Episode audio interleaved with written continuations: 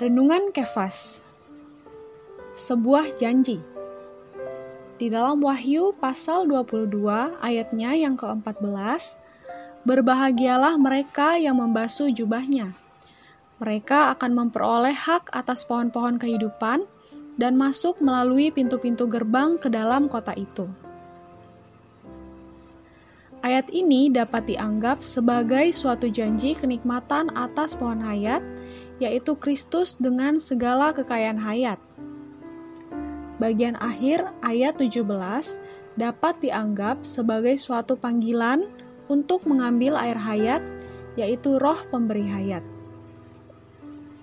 Jadi, kitab Wahyu berakhir dengan satu janji dan satu panggilan, untuk makan dan minum Kristus yang al-muhid sebagai roh pemberi hayat. Setelah diciptakan, manusia ditaruh di depan pohon hayat. Ini menunjukkan bahwa manusia mendapat hak khusus untuk berbagian di dalamnya.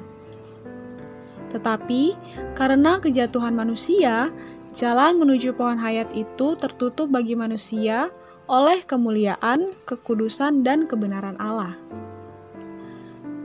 melalui penebusan Kristus yang memuaskan semua tuntutan kemuliaan, kekudusan, dan kebenaran Allah, jalan menuju pohon hayat terbuka kembali bagi kaum beriman.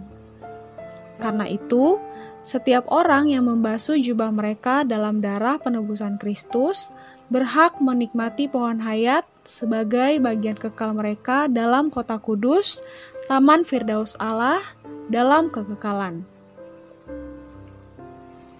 Sobat Kefas, puji Tuhan untuk sebuah janji yang Allah berikan kepada kita, orang yang percaya kepadanya, membuat kita bisa berbagian dalam Yerusalem baru.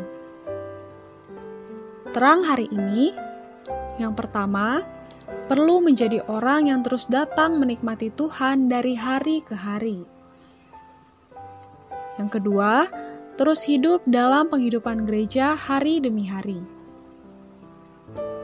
Doa hari ini, marilah kita berdoa agar sepanjang hidup kita menjadi orang yang terus terjaga dalam penghidupan gereja dan menempuh penghidupan Kristen yang normal. Amin. Tuhan Yesus memberkati.